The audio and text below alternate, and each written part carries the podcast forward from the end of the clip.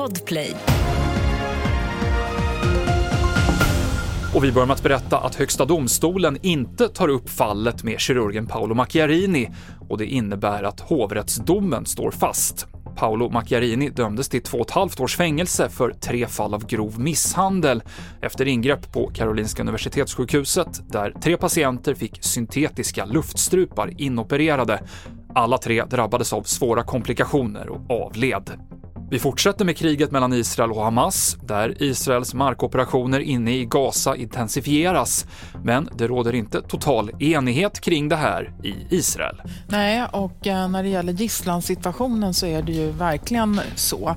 Det finns en stor kritik nu i Israel bland anhöriga eh, om att man istället bör, borde göra utväxling eh, mot fångar när det gäller gisslan sa vår kommentator Lisa Grenfors. Och antalet skjutna älgar i Norrbotten minskar kraftigt i årets jakt och kan bli det lägsta sedan mitten av 90-talet. Mer än hälften av de över 14 000 tilldelade djuren ser ut att överleva jakten. Det här uppger Svenska Jägareförbundet för SVT. Och det avslutar TV4-nyheterna med Mikael Klintevall.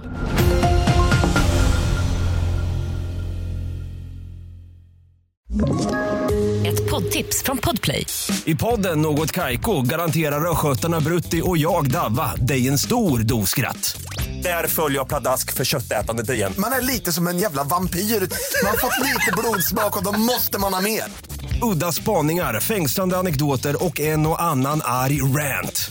Jag måste ha mitt kaffe på morgonen för annars är jag ingen trevlig människa. Då är du ingen trevlig människa, punkt. Något Kaiko, hör du på Podplay. Därför arkadeinerna.